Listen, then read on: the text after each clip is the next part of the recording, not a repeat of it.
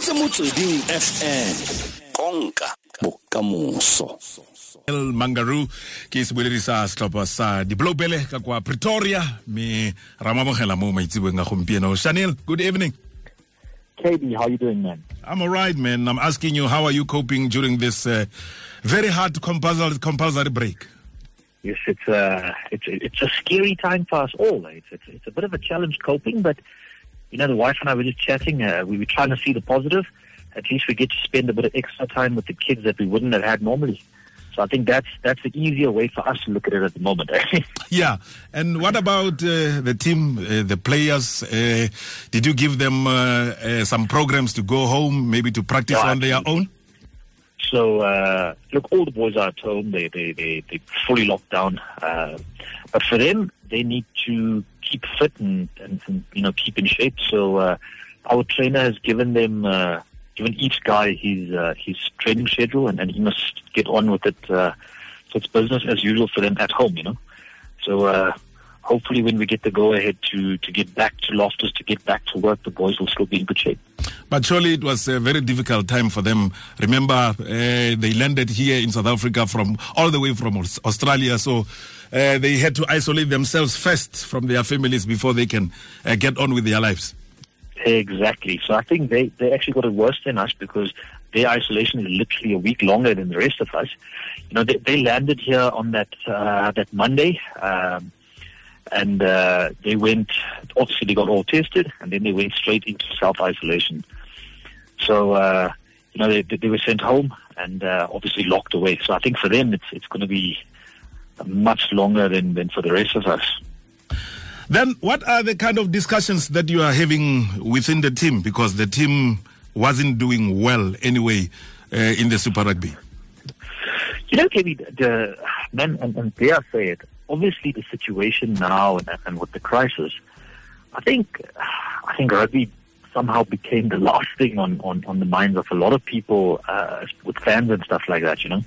So, uh, again, within the team ranks, there's been a lot of conversations. Uh, you know, coach has been chatting to the boys, uh, the trainers have been chatting to them.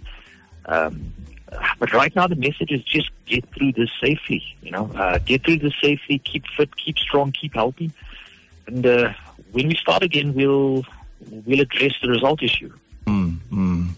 But it's very challenging because immediately after the Rugby World Cup, you are one of uh, the teams that uh, lost a lot of experienced players.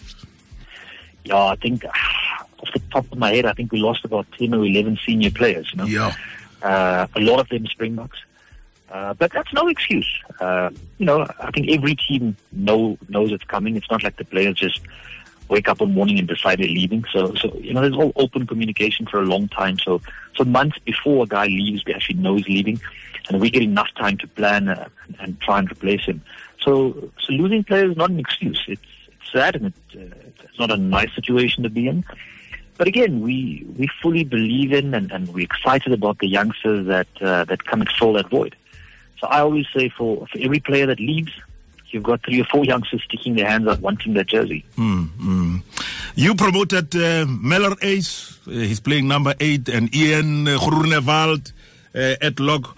Uh, how have they fared so far? And uh, are they the only two youngsters that you have promoted to uh, the senior team?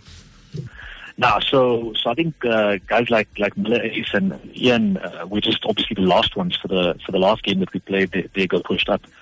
Man, I'm such a big Muller Uys fan. eh. you know, I've, I've, I've watched him come through the school ranks and in fact junior level. I promise you, that kid is super special. So so the world needs to just remember his name and, and watch him.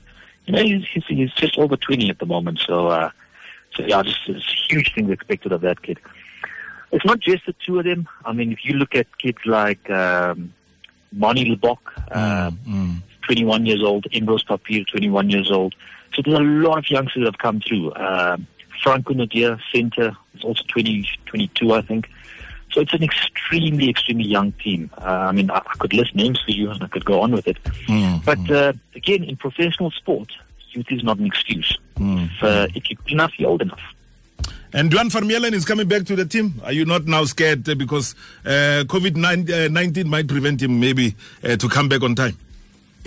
Well, look, I think we, we very, very excited that uh, that Big Duane's back, uh, coming back to us. Uh, you know, Duane is just such an influential character, um, and, and I say that uh, in every sense of the word. You know, not just on a rugby field. Uh, what he does off the field, uh, what he does with the staff, what he does. I mean, Dw- Duane's the guy that walks around Loftus. And, and you know he learns people's first names and he makes friends with everybody and, and he's just a happy friendly guy hmm, hmm. one of the first things I heard him say to some of the younger players was, you know, why are you smiling? Why, why, why do you look stressed? You know, have, hmm, have some fun and enjoy your rugby again. But that that's just Duane. That's just the person he is. Uh, regarding the COVID nineteen stuff, I know he had some trouble getting out of uh, Japan, but but he is back in the country at the moment. So I think he's safe with his family at the moment and quite happy. So yeah, we're just looking forward to getting him to Loftus in June. And now you acquired the services of uh, the former Springbok coach, uh, the World Cup winner, uh, Jake White. How did you manage to get him to Pretoria? That's a good one. I tell you, uh, Jake's an absolute legend of the game. You know, uh, his his track record speaks for itself. Uh, he's got British Irish Lions. He's got World Cups. He's got uh, you name it, he's got it. You know, and and uh, he's he's an how do you phrase it? He, he's an absolute genius and strategist of the game. So so we we very very lucky to have a guy like him come to us. Um, sad thing is he he's obviously not in Pretoria yet. He's Yeah. also uh, on lockdown and with his family in, in his house in Hermanus at the moment. So uh, yeah, we we we're excited and looking forward to getting him at Loftus as soon as we can. Eh? What's his mandate uh, uh, at Pretoria? Uh, because we've heard that uh, he, for now, he will be the director of rugby and uh, uh, he will be coaching the team uh, the, in the in the in the next Super Rugby season. So- Uh, but but what's the general mandate for him? So, so I think the only thing that I, at my level, can confirm is that you know he, he he is director of rugby, and he will come in and obviously make decisions from there. Uh, I think there is an indication that that he will coach next year, but but other than that, you know, I- don't want to say things prematurely. Um again, given the circumstances, he hasn't had a lot of meetings with people yet. He hasn't met a lot of the players. He hasn't met the staff yet. And and I think you know the responsible thing to do would be for us not to comment too much on it. Uh, you know, when he gets there, he can have the conversations, and, and then he can start figuring out his plan and, and, and start rolling it and implementing it. But what are we are you are you wishing for, uh, Shanil, as the, the member of the team and a supporter? Don't you wish to see Ah, uh, the Blue Bulls team that uh, we used to have back in 2006, 7, 8, uh, uh, when uh, uh, we were dominating the world? Uh, brother, it's as simple. It's, it's, it's an easy answer.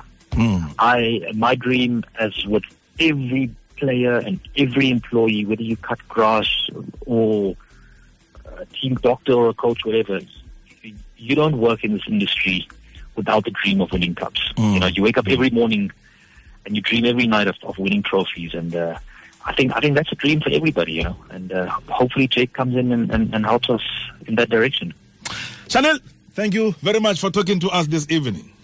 An absolute pleasure. We'll, we'll chat soon, and to you, the listeners, keep safe. eitara e le somababedi go tswa kwa ureng ya bosupa ke seboledi sa setlhopha sa diblobele re lebeletse tiragatso ya setlhopha le go goroga ga jake white kwa setlhopheng um ka kakaretso le ponelopele gore na re go ka tswa go dirile se ka lebala gore jaanong um patrice um motsepe ke karolo jaanong a kere ya um batsamaisi kwa setlhopheng seo um jaanong se ka gakgamala. Di simolotse joan o a boa.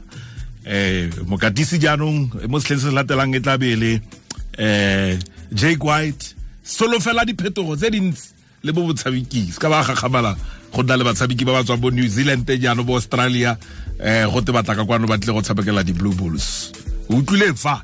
Lekgetho la ntlha. O fm konka bokamoso